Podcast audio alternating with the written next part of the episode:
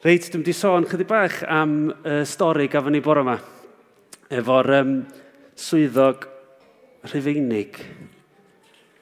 A o be dwi wedi ddysgu wrth yma, de, oedd gan y swyddog milwr rhufeinig mae canwriad oedd, oedd yr enw Cymraeg amdano fo. Ac oedd gynnyn nhw ffon, rwan dim ffon, chopstick fel hyn.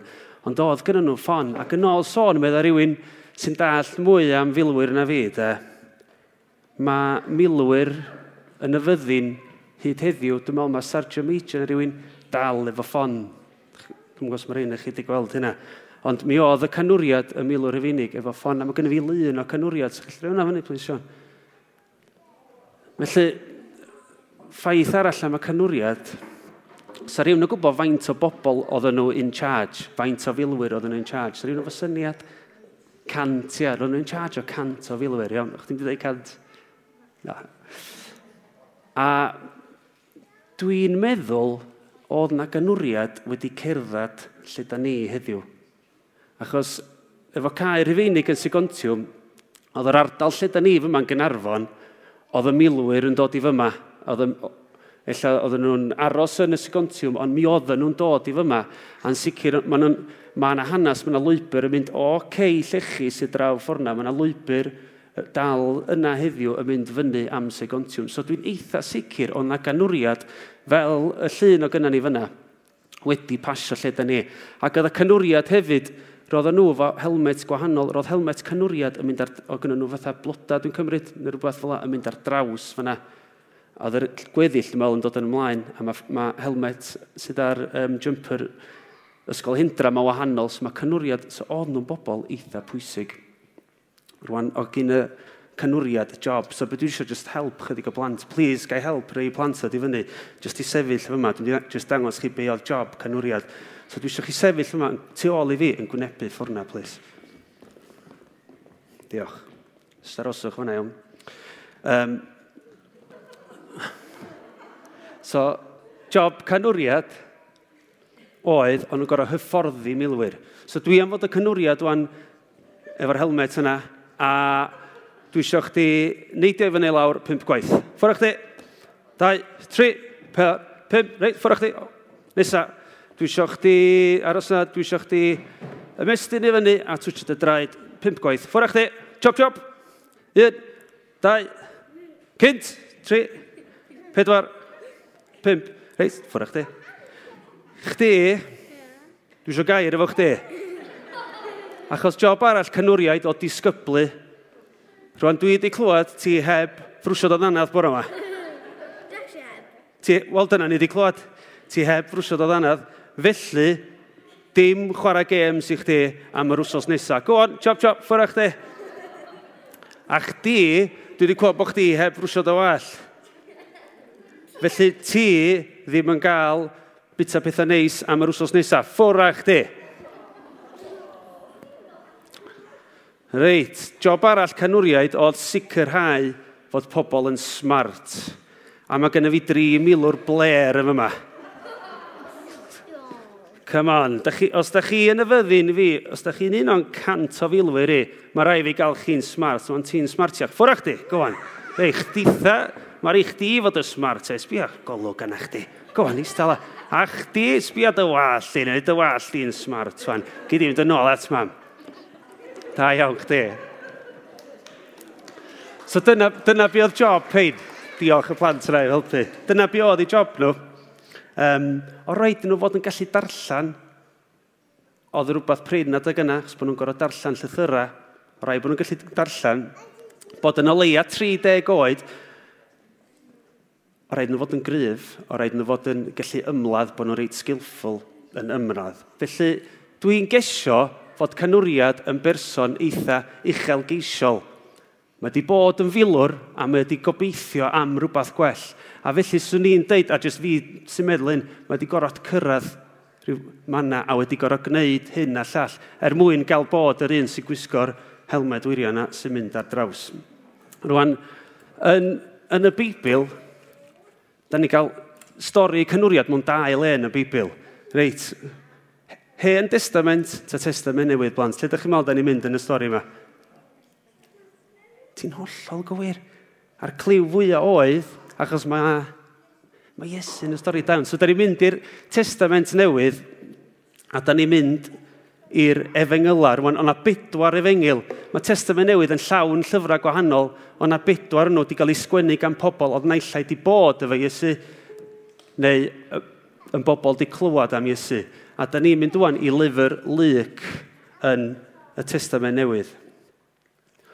Rwan, yn y fersiwn uh, o stori yma yn llyfr Luc, mae'n deud fod Iesu wedi mynd i Capernam. So lle ar nhw Capernam. Felly, da ni gallu coelio, mae hwn wedi digwydd go iawn, achos mae'n enwi lle go iawn. So, mae rhaid bod o rhywbeth sy'n ni, um, allan ni drystio fwy. Um, Ac yn fersiwn lyc, dydy'r milwr hyfeinig ddim yn mynd at Iesu. Ond yn fersiwn Matthew, mae'r milwr rhufeinig yn mynd at Iesu.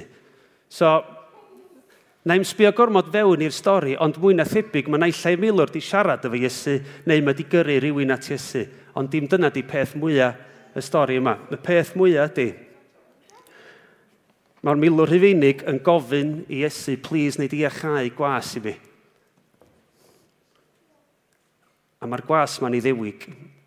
Rwan doedd y rhufeiniaid ddim yn cymysgu lot efo'r iddewon o ran yn bersonol o beth dwi wedi ddall.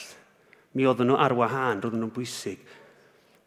Allwn ni feddwl amdan um, rhyfel yn Afghanistan, mae yna hogi o dre yma wedi bod yn mynd allan i Afghanistan. Mae rhyw feddwl o fysa nhw'n cymysgu efo rhywun lleol yn Afghanistan i ddod i nabod nhw'n dda. Mwy na thebyg ddim. Ond oedd y milwr hyfeinig yma wedi nabod rhywun oedd yn iddew a ddod yn nabod nhw'n dda. Felly, swn i'n deud, o'na rhywbeth special am y canwriad yma. Oedd os ni'n deud efo calon gorad yn barod. A felly, pan mae'n mynd at Iesu, swn i'n feddwl bod Iesu'n sylweddoli syth bin, mae yna rhywbeth gwahanol am hwn. A mae'r canwriad, mae o'n ffigwr eitha pwysig yn y Beibl hefyd, achos i'r un sy'ch chi'n cofio, pan oedd Iesu gael ei groesoelio, pan oedd Iesu farw a nath yn nen, be nath i nath i fynd yn dywyll, do.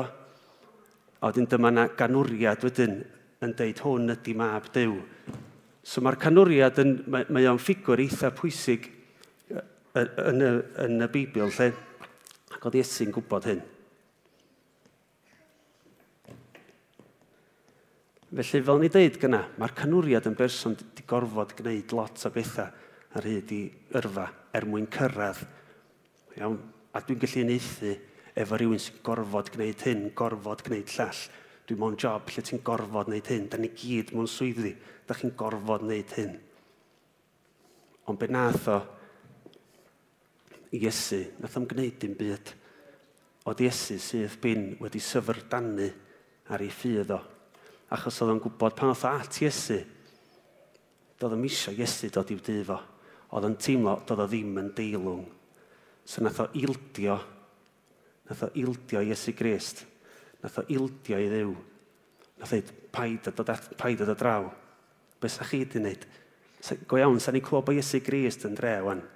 Da ni'n capal heddiw. Sa'n ni'n gwybod bod Iesu Grist. Fysa chi isio mynd i weld o, fysa chi isio fod o draw, sa chi'n ôl y China gorau gael allan i Iesu Grist, gael dod i ti. Sa chi'n tynnu selfie fo Iesu Grist? Oedd y cynwriad yma yn gwybod, dwi ddim yn deilwng. Di'r bywyd dwi wedi bod yn byw ddim yn deilwng i chdi. Doedd yn eisiau fod o draw. Oedd ddim rhaid fo wneud dim byd. Unig beth oedd wneud oedd i coelio. Allai sefyll ma wan, dwi ddim yn coelio. Allai sefyll ma wan, dwi yn coelio. Sa chi'n callach, Da ni'n gorau wneud dim byd i gwylio. Pan da ni'n coelio, mae Dyw jyst yn tŵall dy gras yma y lawr. Ti'n gorau wneud dim byd. Mae'r gwaith cael ei wneud drwsta chdi. A mi Iesu wedi gweld yn syth bin, achos yn hanes mae'n lyg hefyd, mae Iesu yn gwneud gymaint o bethau, gymaint o wirthiau. Mae'n trio dysgu'r i ddewon. Mae, come on, hyn sy'n digwydd, hyn di teirnas Dyw, dowch wan, A wedyn, pan mae'n gael y swyddog rhufeinig mae'n dod ato fo, a lle fel sa Iesu mynd, ia, dyma dwi'n trio dweud. A mae'n deud, yndi, allan o'r iddewon i gyd, dwi'n wedi gweld ffydd fel hwn. A doedd hwn ddim yn iddew. A fatha ni deud, mae'r canwriad yn rhywun pwysig yn hanes, achos mae'n dangos di'r efengil, di'r negas diw, just dim i ddewon. Mae ei ganwriad i'r enemy illa ar y pryd. Felly, Sion, sa'ch ti'n edrych llun y cardyn na gen i fyny. Dwi'n gwybod os mae rei y plant yn gwybod am y cardyn yma. Dwi'n gwybod os mae rei oedolion chwaith. Ond cardyn, da chi'n gallu gael i hwn i blant. Cardyn fatha debit card, rhyw fath. A wedyn plant gallu mynd wedyn a mynd i siop. A Dwi'n meddwl, fod yn saith oed neu rhywbeth i gael o. Wedyn, be mae cardyn mae'n neud mae'n annog wedyn, ti'n ti, gael y cardyn, dwi'n meddwl ti'n gael rhyw app bach, a wedyn mae ma, ma, ma dad yn gallu rhoi rhestr o bethau wedyn. So, rei chores allu di gael ar go Henry di, fatha os ti'n llaid y loft, ti'n cael pres gym mam a dad. Os ti'n neud y llistri, ti'n cael pres gym mam a dad. Os ti'n neud y fag ysgol, ti'n cael pres. So, mae fatha, a wedyn mae gallu, mae mam a dad yn gallu, ia, mae wedi neud hyn, hyn, na fo, pres bocad chdi. So, mae ma, A mae dwi'n meddwl, syniad bach da. Dwi'n meddwl, so mae gael plant i wneud pethau'n di, e Cymru cyfrifoldeb. Ond, de blant, dim dyna ydy perthynas chi a Dyw. Ti'n mynd gorfod wneud hyn a hyn. Oedd y canwriad na'n dall be oedd gwneud hyn a hyn, ti ddim yn gorfod rhwng chdi a Dyw. Un, pan ti'n siarad efo Dyw, unig beth gwneud i agor dy galon. Dim gwneud rhywbeth, ti'n mynd gorfod gwneud rhyw certain pethau ti jyst yn gorau agor dy galon. A dyna dwi eisiau ni gyd feddwl bore yma, achos sa neb mwy eog na fi a meddwl ti'n gorau gwneud hyn a hyn a hyn. Dwi wedi eistedd yma am flynyddoedd ar dechrau, meddwl, rhaid chdi wneud hyn, ti'n mynd gorfod. Pan nath ofyn i Esu Gris, be di'r be gorchmynion pwysica, nath o ddeud, cara dyw efo dy holl galon, holl unaid a, a holl feddwl. Oedd oedd hynna gynta. A wedyn, carad y gymydog, carad y gymydog, fel sa'ch chi'n caru chdi dy hun. Yn y drefn yna, dim ffordd arall rownd. Dim carad y gymydog a carad dew, achos da ni methu wneud un heb y llall. So, ar ddiwedd y stori, nath, nath yr gwas gafodd ei echau heb, heb i neb orfod wneud dim byd, really. So dyna di'r negas dwi, dwi sicr yn teimlo ar ynghalon ni dyddi yma, lle dwi jyst gweld pethau mor brysur. Ond pan mae'n dod i dyw, ymlonyddwch a byddwch wybod mae dyw yna. A mae yna, mae'n caru ni, a mae'n dod ar yn hola ni.